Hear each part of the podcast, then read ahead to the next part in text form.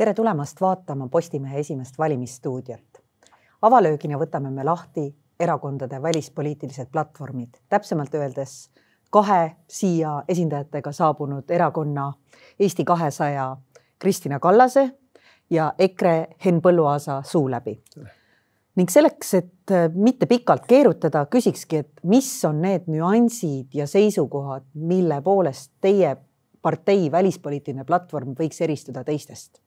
Alustame siis näiteks Kristinast Äh, ja tõepoolest ongi tegemist, ma arvan, nüanssidega, sellepärast et Eesti äh, erakonnad äh, laias laastus välispoliitilises strateegias ja nägemuses üksteisest eriti ei erine.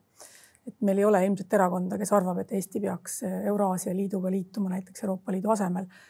aga see nüansi erinevus tuleb välja ja Eesti kahesaja jaoks on üks olulisemaid asju, mis ma arvan, mida on ka Ukraina sõda ja Euroopa arengud näidanud on see, et Eesti peaks palju jõulisemalt integreerima ennast Läänemere piirkonna majanduslikesse, energeetilistesse ja poliitilistesse süsteemidesse, sealhulgas ma arvan, meie ambitsioon peaks olema see, et, et Eesti liitub Põhjamaade Nõukogude, nõukogu ministri, Põhjamaade ministrite nõukoguga ehk siis saab liikmeks selle Helsingi kokkuleppega, millega Põhjamaad koostööd teevad väga laias valdkonnas, kuhu on täna vaikselt juurde tulemas ka kaitse ja julgeolekupoliitika valdkond, nii et äh, Eesti kahesaja platvormis on väga selge eesmärk, et äh, Eesti peaks liituma Põhjamaade koostööga. Henn Põlluaas, EKRE, mille poolest teie seisukohad võiksid eristuda, välja tulla? No välispoliitika kõige olulisem eesmärk on seista Eesti äh, huvide eest, äh, seda nii julgeolekupoliitikas, äh, majanduses ja nii edasi. ja Eesti huvid on täiesti selgelt välja toodud meie põhiseaduse preambulas, see on samas ka meie riigi ülesanne seista Eesti riigi, keele ja kultuuri säilimise eest. ja just nimelt äh, kõikides nendes valdkondades peab meie välispoliitika kandma seda sõnumit, kaitsma, hoidma Eestit, äh, viima meie seisukohti ka laia maailma ja, ja ilmselt just needsamad imperatiivid ja väärtused on ju asjad, mis on äh, viimastel aastatel äh, ja paljude aastate jooksul ära unustatud, need, neid ei peeta enam oluliseks, nendest rääkimine isegi äh, tembeldatakse teinekord põlastusväärseks. nii et just nimelt Eesti rahvuslike huvide eest seismine ja, ja see ei ole mitte väike nüanss, vaid, vaid see on täiesti selge põhimõtteline väärtusküsimus. ma küsiksin võib-olla väikse jätkuküsimusena, et kuidas te seda mõle, mõlemilt, et kuidas te seda ideed, esimesed sammud, mida te teeksite konkreetsete sammudena, et, et, et siis oma eesmärki või väärtust päriselt praktikasse rakendada? no esimene samm Põhjamaade ministrite nõukoguga liitumiseks, koostööga liitumiseks on see, et Eesti teeb vastava poliitilise avalduse riigina, kus ta ütleb, et tal on soov tegelikult selle koostöö formaadiga, tegelikult tegemist ei ole organisatsiooniga, tegemist on koostööformaadiga, eks ole, äh, sellega liituda. Ja see tähendab ka seda, et äh, Riigikogus peab tekkima Põhjamaade äh, parlamentidega koostöökogu kes, kes siis vastutab selle eest, et Põhjamaade parlamentidega koostöö toimib. Ja valitsuses peab olema minister, kes vastutab Põhjamaadega koostöö korraldamise eest, nii et need on esimesed sammud, mis me teeme. Henn Põlluaas, praktikas, kuidas see välja näeb? no kui me tänase äh, olukorra äh, toome taustaks, siis Eesti on väga kiiduväärselt toiminud Ukrainat toetades küll ÜRO-s, NATO-s, Euroopa Liidus toetanud ja kaitsnud Ukraina ja ka Gruusia ja, ja teiste riikide territoriaalset terviklikkust, mis on täiesti loomulik, aga samas eh, on Eesti enda huvid ju täiesti kõrvale lükatud. meie enda territoriaalse terviklikkuse kaitseks eh, ei ole ühtegi sammu astutud, vastupidi, tänane võimuerakond siiamaani põleb soovist loovutada okupeeritud Eesti alad Venemaale ühe remargiga, et kahjuks hetkel ei ole see võimalik.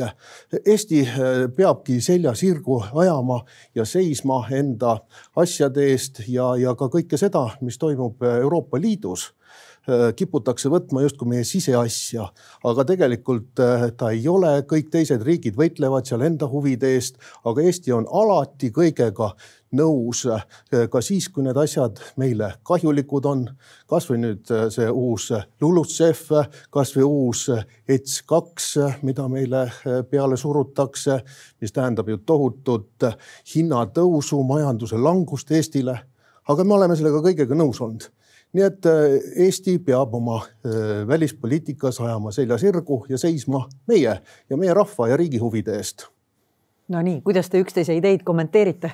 Äh, mulle jääb äh, natuke segaseks see, kui öeldakse, et Eesti ei seisa täna Ukraina sõja kontekstis Eesti territoriaalse terviklikkuse, Eesti huvide eest. ma arvan, täpselt seda Eesti täna just teebki selles samas Ukraina sõjas ehk siis seistes Ukraina selja taga ja toetades Ukrainat, seisab Eesti oma territoriaalse terviklikkuse ja vaba, riikliku nii-öelda vabaduse eest, et, et see argument jääb mulle nagu arusaamatuks. Äh, kui me räägime nii-öelda Peipsi tagustest aladest ja Petseri aladest, siis noh ega keegi ei ole Eestis ju selle vastu, et Eesti territoorium, mis on ajalooliselt seal ka Eestile kuulunud, äh, jätkuvalt ka Eestile kuuluks, on osa Eesti kultuuri ja ajalooruumist, kõik on väga arusaadav. Äh, äh, välispoliitikas on paraku tegemist tihti olukorraga, kus tuleb astuda ka reaalseid samme. mis need reaalsed sammud saavad olla selleks, et antud olukorras, kus me täna oleme, antud olukorras, kus täna Euroopa on, Venemaa ja nii edasi mismoodi Eesti astub välja ja hakkab Venemaale esitama nii-öelda territoriaalseid pretensioone, kuidas see peaks nagu välja nägema ja milleni see tegelikult viib, et ma, ma arvan, et siin peaks natuke nagu vastutust olema ka. lisaks sellele, et on sellised kõlavad sõnad, millele keegi ju vastu ei vaidle. et äh, kõik on ju praktiliselt sellega nõus, et need on ajaloolised Eesti territooriumi alad keegi ei vaidle mhm. sellele vastu. Äh, noh, kui me nüüd selle üle vaidleme, siis Äh, erinevalt minu oponendi arvamusele loomulikult mitmedki erakonnad on sellele vastu ja, ja, ja, ja ega teha ei ole, mis tähendab, et me astume välja, kust me astume välja ja mis me teeme. me oleme viiskümmend aastat äh, ootasime Eesti vabanemist okupatsiooni alt. rahvusvahelise õiguse järgi kuuluvad need alad meile ja, ja meie äh, ainuke samm ongi see, et me ei ratifitseeri seda loovutuslikku piirilepingut. räägime kogu maailmale, et ka meie alad, viis koma kaks protsenti on okupeeritud nii nagu Ukraina, nii nagu Gruusia alad, me seisame nende eest ja, ja see on täiesti loomulik. ja, ja kui nüüd võtta kogu Eesti äh, välispoliitika ainukese sihina see, et, et Põhjamaade Nõukogusse saada loomulikult see oleks väga hea, mul ei ole midagi selle vastu, aga, aga, aga tegelikult meil on ju, ju kogu see ampluaa on oluliselt laiem ilmselt üks tulisemaid arutelukohti tulevatel aastatel on see, kas anda Ukrainale NATO ja Euroopa Liidu liikmesus. et milline on teie erakondade seisukoht selles küsimuses? alustame siis Kristina teist. väga lühike vastus. minu arust ei ole Euroopal üldse alternatiivi sellele, et Ukrainast saab Euroopa Liidu liikmesriik. sellepärast, et selle selle sammu mittetegemine näitab seda, et Euroopa ei suuda oma väärtusi kaitsta ja oma väärtuste eest maailmas seista. Ja see näitab Euroopa nõrkust ja ma arvan, et selle taga ei saa kindlasti Eesti seista. Eesti huvi, ka Eesti isiklik, rahvuslik, riiklik huvi on see, et Ukrainast äh, saaks Euroopa Liidu liikmesriik. Ja, ja nii-öelda Euroopa väärtuste ruum äh, oleks ka Ukraina territooriumil. Äh, mis puudutab NATO liikmelisust, siis tegemist on sõjalise kaitseorganisatsiooniga ja ka seal äh, Eesti kakssada igati toetab Ukraina astumist äh, NATO-sse, aga seal muidugi ratsionaalselt me saame väga hästi aru ka sellest, et, äh, et sõjalised koostöökokkuleppe formaadid on natuke teistsugused võrreldes poliitilise väärtusruumi ja majanduslike koostöökokkulepetega, nii et seal on natuke keerulisem see küsimus, aga Euroopa Liidu liikme staatus Ukrainale kindlasti. mida EKRE arvab? Ja tõepoolest no, Ukraina on astunud ju suuri samme Äh, Euroopa liikmelisuse poole ja, ja esitanud ka äh, NATO liikmeks saamise äh, soovi ja, ja seda tuleb kõike toetada, sellepärast et, et tegemist on ju riigiga, mis asub täiesti sõna otseses mõttes keset Euroopat ja, ja kui see jääb selliseks üksikuks saareks, nagu ta täna on jäänud, siis me näeme, kuidas siis Venemaa ju seda ära kasutab oma agressioonides ja, ja ambitsioonide elluviimisel Äh, aga noh, täiesti arusaadav on, et, et see äh, Euroopa Liidu liikmelisus ei saa tulla lihtsalt niisama üleöö ja, ja avansina. Ukrainal on väga palju selles suunas teha, äh, korruptsiooniga võidelda, erinevate seadusandluste muutmisel ja nii edasi ja nii edasi. Nii et kui need tingimused on täidetud, siis, siis loomulikult ei ole mingisugust kahtlustki, et et äh, Ukraina äh, võetakse Euroopa Liitu ja, ja me ka toetame seda. Ja täpselt samamoodi NATO liikmeks, äh, sest noh, nende armee on juba suuresti ju NATO süsteemide peale üle viidud, väljaõpe ja nii edasi ja nii edasi, üha rohkem saavad nad ka NATO tehnikat ja minna ka tehnilises mõttes nendele standarditele üle. ja Venemaa ju niikuinii täna räägib seda, et, et sõda ei ole mitte ainult Vene ja, ja Ukraina vahel, vaid, vaid Venemaa sõdib NATO-ga et, et olgem siis Ukrainale toeks ka sedapidi, et tõepoolest anname talle NATO liikmelisuse. ma tahan siin lisada selle Euroopa teemal, et ma arvan, et see sõda äh, täna Ukrainas on Euroopale andnud väga selge signaali, et Euroopa iseenesest kui mõiste ei ole majanduskoostöö. me oleme seni harjunud pärast teist maailmasõda Euroopast mõtlema kui sellisest ühisturu loomisest, et see ühisturg on see, mis annab meile sellise heaolu ja turvalisuse aga täna käib äh, võitlus mitte selle Euroopa pärast, mis oleks ühine majandusruum ja nii-öelda heaolu kasvupiirkond, vaid täna käib võitlus ikkagi Euroopa väärtusruumi äh, üle. ja, ja selle tõttu ma arvan, see Ukraina liitumine Euroopa Liiduga ei ole küsimus ainult sellest, kas, kas Ukraina on õiguslikult äh, juriidiliselt nii-öelda valmis Euroopa Liiduga liituma, vaid selles, et kas Euroopa Liit on valmis mõistma ja aru saama, mil, mis täna tegelikult on Äh, põhiküsimus, et põhiküsimus ei ole see, kas Ukraina on majanduslikult piisavalt edasi arenenud ja valmis Euroopa Liiduga liituma, vaid see, et kas Euroopa on valmis kaitsma oma väärtusruumi. Äh, nii et ma arvan, et äh, ma saan muidugi aru sellest, et, et Ukraina peab pingutama, noh, sõjaolukorras ilmselt ei saa riigilt nõuda seda, et ta täna korruptsiooniga tegeleb. Aga, aga minu jaoks ei ole, meie jaoks ei ole see põhiküsimus Euroopa Liidu liikmelisuse staatuse jaoks Ukraina osas täna, et põhiküsimus on ikkagi Euroopa väärtusruumis. Mis see Euroopa väärtusruum teie jaoks on? ükskõik, alustame Henn Põlluaasast ja siis ka.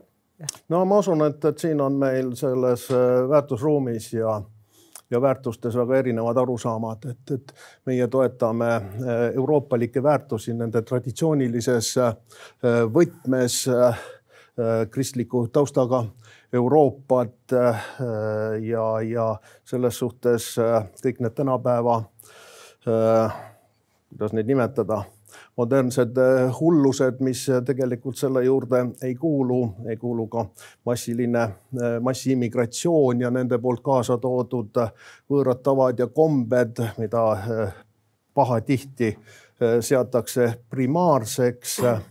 Et, et meie peame ikkagi oluliseks oma, oma euroopalikust kultuurist ja, ja, ja nendest läbi aastatuhandete ennast tõestanud väärtustest kinnipidamist mis on Eesti kahesaja jaoks euroopalik väärtusruum?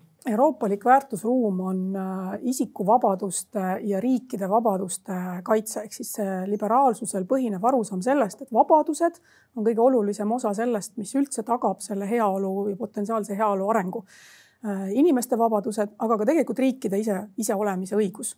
Äh, sealhulgas rahvusriikide iseolemise õigus ehk siis inimestel ise õigus otsustada, kellega ja kuidas nad tahavad liituda, ei taha liituda, kellega koos nad tahavad liite teha, ei taha liite teha.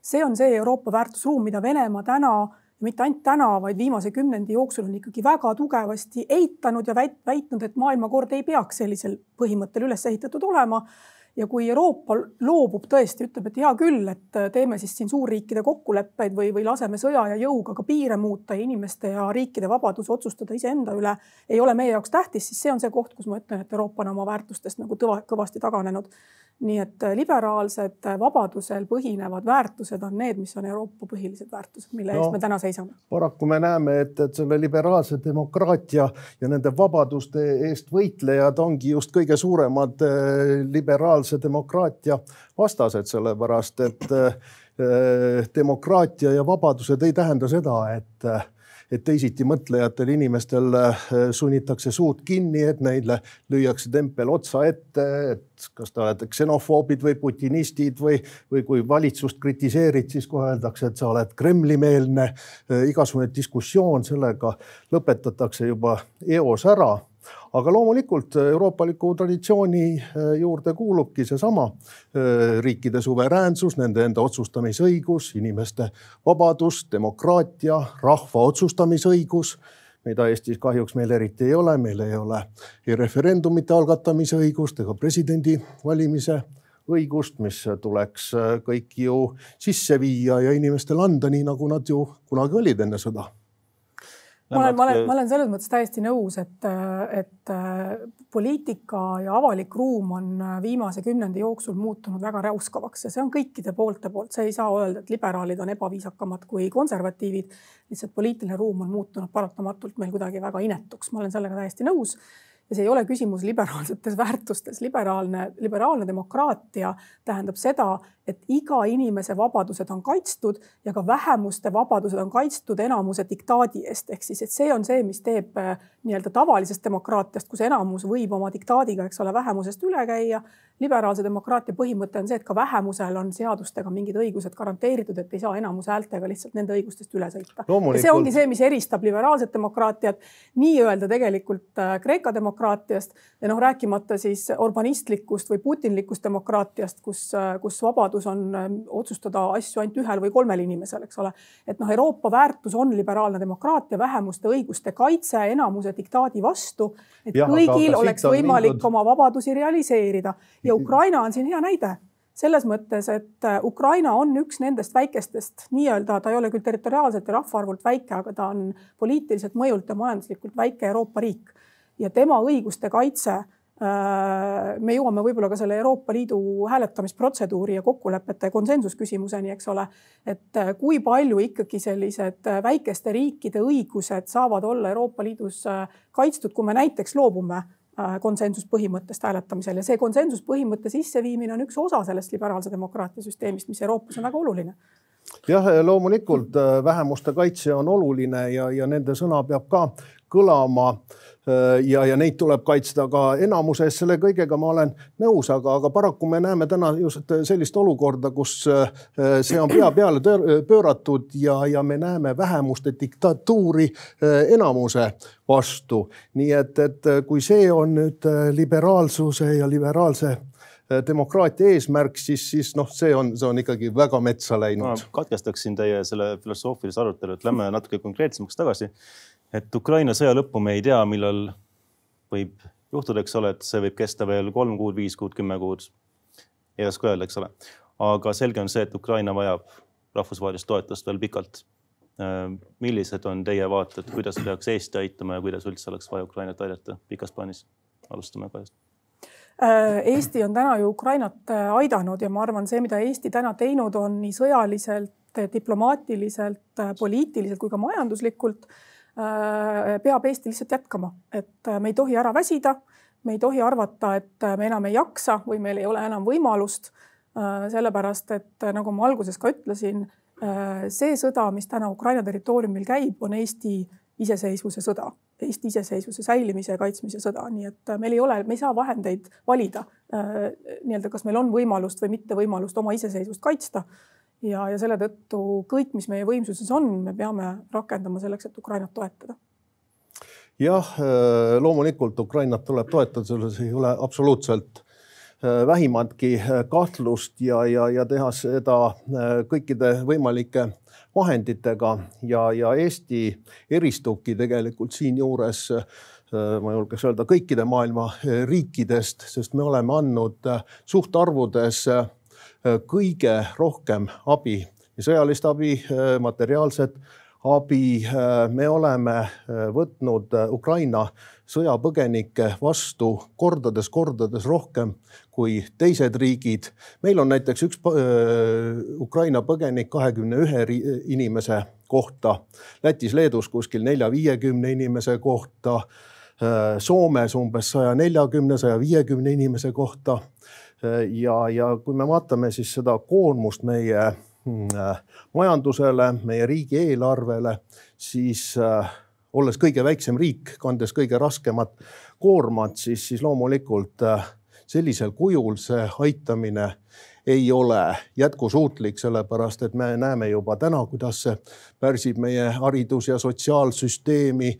meie, koormab meie eelarvet. Äh, et me peame siin äh, vaatama ikkagi kaine pilguga, milline on meie äh, suutlikkus.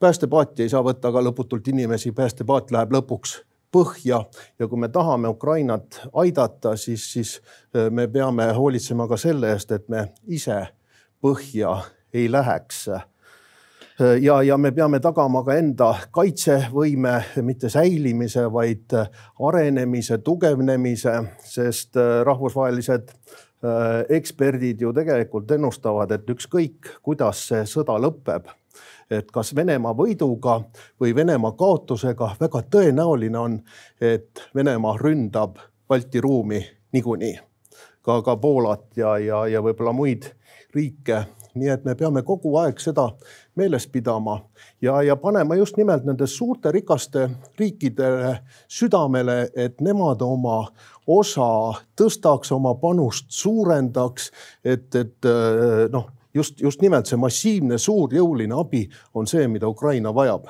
väga hea, te mainisite just äh, põgenike küsimust. On näha, et Ukrainas praegusel hetkel ei lähe inimeste elu kergemaks, on üsna tõenäoline, et sealt tuleb inimesi järjest rohkem välja, kes üritavad leida rahu, mingisugust majanduslikku stabiilsust. kuidas, kuidas peaks Eesti valmistuma või ennast ütleme siis paremini valmis panema selleks, et tuleb veel ja veel inimesi, siin on kogukond ees, siin on juba päris palju põgenikke ees. Mida Eesti peaks tegema selleks, et tõesti seesama meie enda sotsiaalsüsteem vastu peaks, samal ajal, et me suudaks nendele, kes tulevad siia päästepaati, siiski ka midagi adekvaatsel tasemel pakkuda, et mis oleks see lahendus, mida te näete? no kindlasti üks lahendus ongi see, et, et äh, saada ka teisi riike. näiteks meil on viis protsenti elanikkonnast äh, Ukraina põgenikud, Saksamaal on see vaid üks protsent. Äh, nii et, et saada ka teised riigid sellest koormast osa võtma, kellel on palju suuremad võimekused, palju-palju rikkamad riigid, kes suudaksid rohkem aidata ja, ja nagu ma ütlesin, et meie ei saa lõpmatuseni seda teha, sest, sest me ise läheme põhja sellega. ja, ja me peaks vaatama ka seda, kuidas siis need teised vastuvõtvad riigid on, on käitunud nende pagulaste vastuvõtmisel. näiteks Tšehhi, kes on ka üks, üks suurimaid abistajaid, siis seal tegelikult need sotsiaaltoetused ja, ja, ja, ja kõik muud tugisüsteemid, nad ei ole esiteks nii rikkalikud ja nad on märksa lühiajalisemad et, et väga suur osa sellest äh, enda ülevalpidamisest äh, on ka äh, nende pagulaste enda kohustus ja ülesanne, mitte olla lihtsalt sotsiaalsüsteemi peal. ja teine on see, et üheski teises riigis ei põlistata neid nii, nagu meil tehakse, püütakse neid integreerida siia ühiskonda.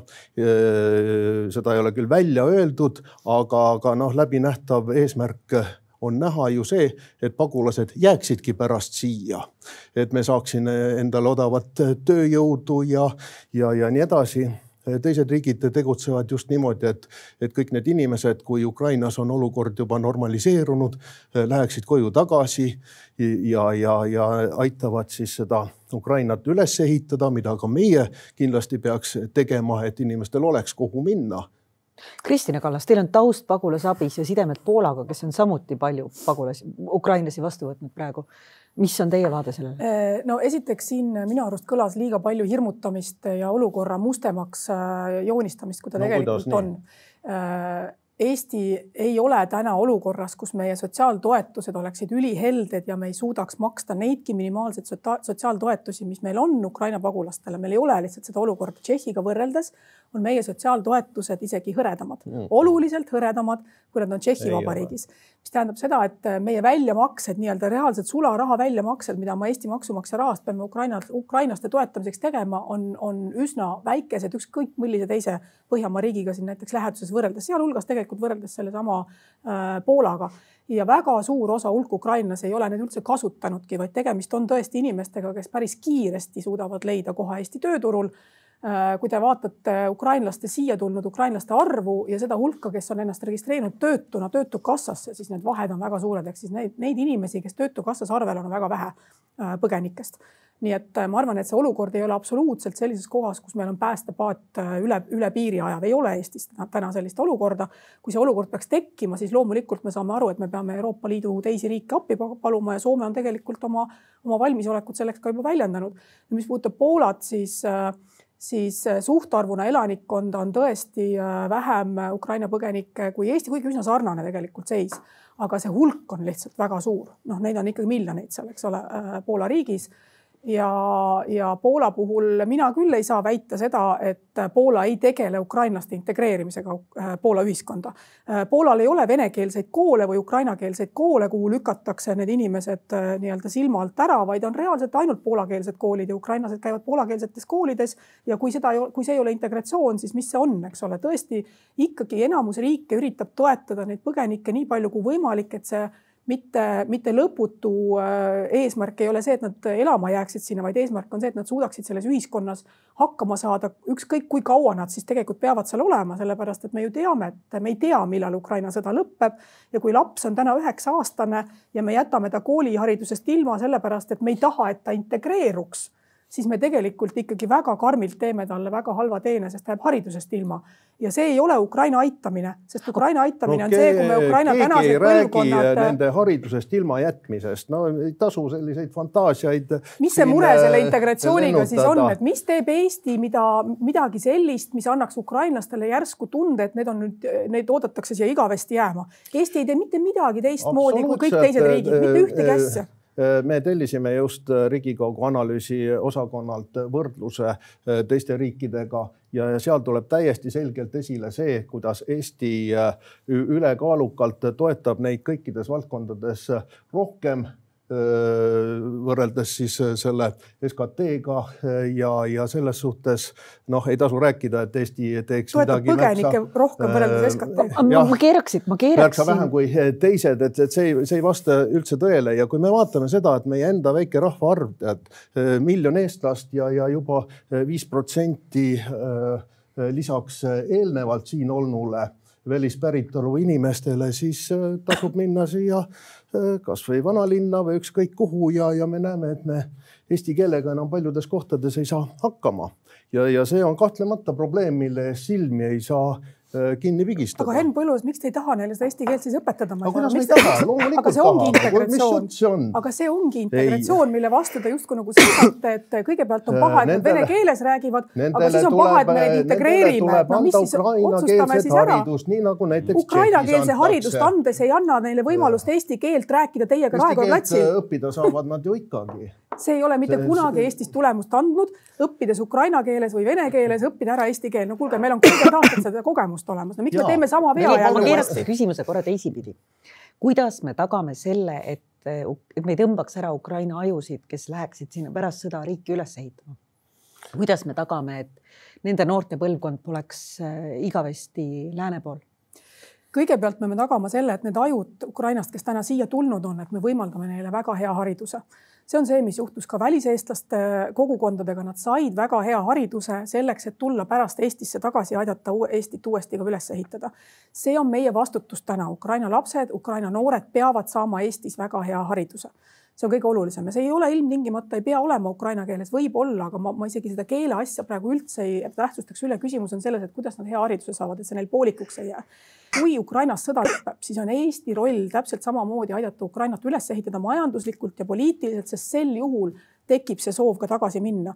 kui Ukraina pärast sõda jääb üksi äh, oma meeletute miljarditesse, sadadesse miljarditesse äh, nii-öelda laskunud vajadusega majandust üles ehitada, siis on väga raske ka nendel inimestel, kes täna läänes või siin Eestis on ennast nii-öelda üles harinud, minna siis üksinda seda Ukrainat sinna toetama. me peame olema ka see riik, kes pärast sõja lõppu jätkuvalt Ukrainat toetab, see on ka meile rahaline väljaminek. me peame sellega arvestama ja ma arvan, et me peaksime endale kuidagi ähm, ausalt tunnistama, et sõjaga ei lõppe meie jaoks nii-öelda vastutus Ukraina toetamise eest.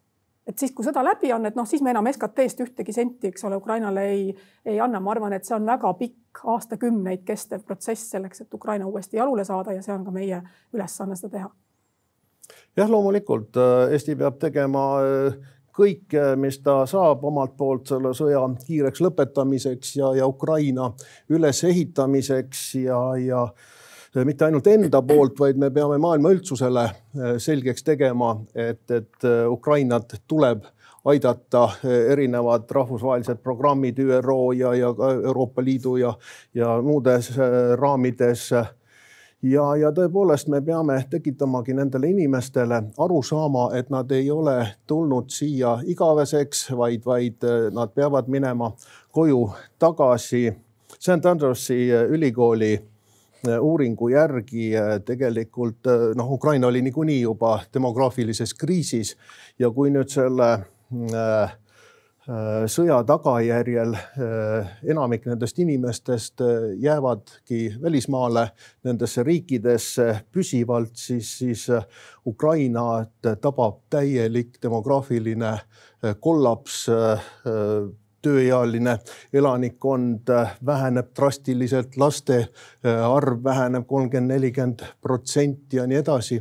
nii et äh, kui me tahame Ukrainat aidata, siis me peamegi tegema kõik selleks, et nad saaksid oma inimesed tagasi, et nad saaksid oma riiki äh, üles ehitada ja, ja, ja normaalselt edasi minna. kõik need muud sammud Äh, kui me leiame, et meil endal oleks neid hoopistükkis vaja, siis need äh, tegelikult kahjustavad äh, täiesti sõna otseses mõttes Ukrainat. Ja, ja sama puudutab ju ka neid põgenikke, kes on terved, heas vanuses, tervises mehed, kelle koht oleks tegelikult Ukrainas rindel kaitsmas oma riiki. Ja, ja Ukraina president on ju kahel korral teinud äh, vastava otsuse ja, ja määruse, et, et sellised isikud ei tohiks lahkuda. nüüd on ka äh, hiljuti alles tehti üleskutse, et kõik need Ukraina äh, pagulased, mehed, kes suudaks relva käes hoida,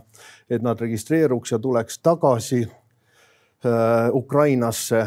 ja, ja näete, siin ei ole Eesti valitsus sugugi nõus sellega, sest me tegime alles siin kuu aega tagasi või veidi rohkem vastava eelnõu, et, et koostöös Ukrainaga me peaks registreerima kõik sellised äh, isikud, kes ju viimasel ajal on olnud enamikus äh, põgenikest äh, valdav osa, et koostöös Ukrainaga registreerida ja siis neid ka äh, kodumaale äh, tagasi viia. aga see eelnõu lükati meil tagasi, kahjuks Te mainisite enne, et äh, suured riigid peaksid tegema rohkem, et oma osa kanda. kas selleks oleks vaja siis mingisugust kvoodisüsteemi või kuidas see asi peaks teie sõnul nagu välja nägema? Äh, noh, kvoodisüsteem on iseenesest selline väga halva, halvamaiguline. Äh, et, et seda kvoodisüsteemi püüti ka kaks tuhat viisteist, kui oli see ka suur põgenike tulv Euroopasse äh, sunniviisiliselt äh, prooviti kehtestada ja, ja ka Eestisse veelgi rohkem neid tuua. Õnneks see otsene kvoodisüsteem jäi ära ja ma ei arva, et see ka täna saaks kuidagi võimalik olla, sellepärast et tegelikult immigratsioonipoliitika on ju kõikide Euroopa Liidu alusdokumentide järgi ikkagi siiamaani endiselt iga liikmesriigi pädevuses ja, ja, ja selles suhtes ei saa tõesti äh, keegi öelda ei meile, et me saaksime, peaksime neid rohkem vastu võtma või, või kohustada Saksamaad või Prantsusmaad. aga, aga see on just nimelt äh, selline äh, noh liitlaslikkuse ja, ja, ja, ja üksmeele ja, ja ka ütleme riigimehelikkuse äh, näitamine ja, ja kui, kui need rikkamad riigid nõustuksid neid rohkem vastu võtma, olema heldemad, äh, kaasa arvatud sõjalise abi suhtes, milles näiteks Saksamaa ju, ju noh, tõtt-öelda äh, räägib küll palju, aga, aga teeb väga vähe nii et me peaksime kõikides foorumites Euroopa Liidus ja igal pool kahepoolsetel kohtumistel selle teema lauale tõstma et meie oleme aidanud, me oleme kõige suurem aitaja. me oleme väike riik, võtke meist eeskuju. Kristina Kallas, kuidas tekitada suurem Euroopa solidaarsus? ja ei, kvootide vastu olen mina isiklikult olnud kogu aeg. Kaks tuhat viisteist ma pidasin neid äh, väga halvaks poliitiliseks meetmeks, mis ei too tulu ja me nägimegi tegelikult nende läbikukkumist päris jõuliselt ja ma ei poolda neid ka praegu, et inimese nagu malelaual niimoodi kvootidega üle, üle, üle piiride liigutada ei ole lihtsalt, ma arvan, õige. Äh, mida on vaja, on Euroopa Liidu tasandil äh, sellist ka majanduslikku või rahalist äh, paketti, mis tegelikult aitaks neid riike, kellel on äh, üle keskmise suurem koormus põgenike vastuvõtmisel, nendel ajutisel majutamisel. sest muidugi ma olen nõus sellega, et ukrainlased peaksid olema Euroopa Liidus ajutiselt. aga me lihtsalt ei tea, kui pikalt see ajutine, eks ole, kestab. nii et Euroopa Liidu teiste riikide panus ja toetus ka rahaliselt Eestile, Poolale, Tšehhile, Rumeeniale Äh, kes on üle keskmise Slovakkiale pidanud neid põgenikke vastu võtma, ma arvan, see kokkulepe kindlasti tuleb ka no nii, mulle tundub, et meil hakkab isegi veebis võib mõnikord aeg otsa saada. Äh, küsiksin äh, väga olulise ja fundamentaalse küsimuse. milline maine peaks Eesti riigil olema väljaspool maailmas ja kuidas või mida teie partei plaanib selle, selle maine tõstmiseks või siis heal tasemel hoidmiseks ära teha? et alustame sel korral võib-olla vahelduseks Henn Põlluaasast noh, minu meelest Eesti maine on väga hea äh, maailmas, et, et siin ei ole üldse äh, midagi äh, kaheldagi. see hiljutine peaministri intervjuu, et, et Eestil justkui oleks valida kahe suuna vahel, et, et üks on selline täielik avatus ja, ja, ja, ja mis seal kõik esile toodi ja ja, ja, ja teine oli suletus ja ksenofoobia ja niisugune vihaselt nurgas istumine. et see on ju tegelikult täiesti pastakast välja äh, imetud just nimelt sellest nende vastandumispoliitikast tingituna äh, selline äh, võimendatav müüt lihtsalt. kui ma olin Riigikogu esimees, siis mul oli väga-väga palju välissuhtlemist ja, ja te ju mäletate kõik, kuidas oponendid ja meedia oli täis jutte, kuidas Eesti huvid on nüüd selle valitsuse tõttu äh, mutta trambitud ja, ja, ja kõik meie eesmärgid ja maine. tegelikult absoluutselt mitte midagi sellist ei olnud. välissuhtlus käis täpselt sama normaalselt, suhted olid täpselt sama head. et ma arvan, et Eesti maine oli, on ja, ja, ja ja ka tulevikus äh, on hea, äh, kui me äh, ikkagi jätkame neid samu printsiipe, neid samu põhimõtteid, millel see Eesti riik on rajatud, millel ta põhineb. suhtleme kõikide oma, oma liitlaste ja sõpradega ja teiste riikidega, kes, kellega meil pistmist on ja, ja kõik kui, kui ei lähe see, ütleme, see olukord siin meie lähinaabriga Venemaaga hullemaks, aga noh, see on omaette teema, siis, siis ma arvan, et Eesti maine on hea ja, ja jääb selleks. Ähm, minu arvates Eesti maine puhul on üks olulisemaid asju see, et Eesti peab olema riigina usaldusväärne oma liitlaste jaoks ja see ei tähenda seda, et Eesti peab olema tubli ja tegema, eks ole, kõike nii, nagu liitlased ütlevad, vaid ta peab olema usaldusväärne. Ja usaldusväärne tähendab seda, et äh, Eesti ei saa lubada endale selliseid hekslevaid äh, aga mis oleks, kui teeks hoopis teistmoodi, aga võib-olla me, me ei tahagi üldse seda, isegi sellised retoorilised või nagu potentsiaalselt provotseerivad väljaütlemised on meie jaoks äh, negatiivse märgiga, ehk siis, et me ei saa endale lubada riigina seda, et me iseenda usaldusväärsuse liitlaste silmis kahtluse alla seame sellega, et me lihtsalt meedias või kus iganes foorumitel äh, lubame endale selliseid noh, natuke nagu trumpistlikke üleolevaid suhtumisi äh, NATO-sse või, või oma liitlastesse, et ma arvan, see oli see, mis, mis juhtus üle-eelmise valitsusega ja see oli see mure, mis, mis eestlastel tekkis Eesti mainega. nii et äh, usaldusväärsus, Eesti usaldusväärsus äh, rahvusvahelistes suhetes ja diplomaatias ja, ja välispoliitikas on kõige olulisem äh, bränd, mis meil on ja me peame olema usaldusväärsed. no mitte midagi sellist ei juhtunud eelmise valitsusega ja äh, see on lihtsalt poliitiline spinn. aga tõepoolest usaldusväärsus ja, ja see, et Eesti seisab, no, Eesti seisab äh, sirgeselgselt enda äh, huvide eest ja, ja, ja seda, kes oskab enda eest seista, seda austavad ka teised. tõmbame selle tõdemusega siis joone alla, see oli seekordne valimisstuudio, aitäh saatesse tulemast. järgmise korrani.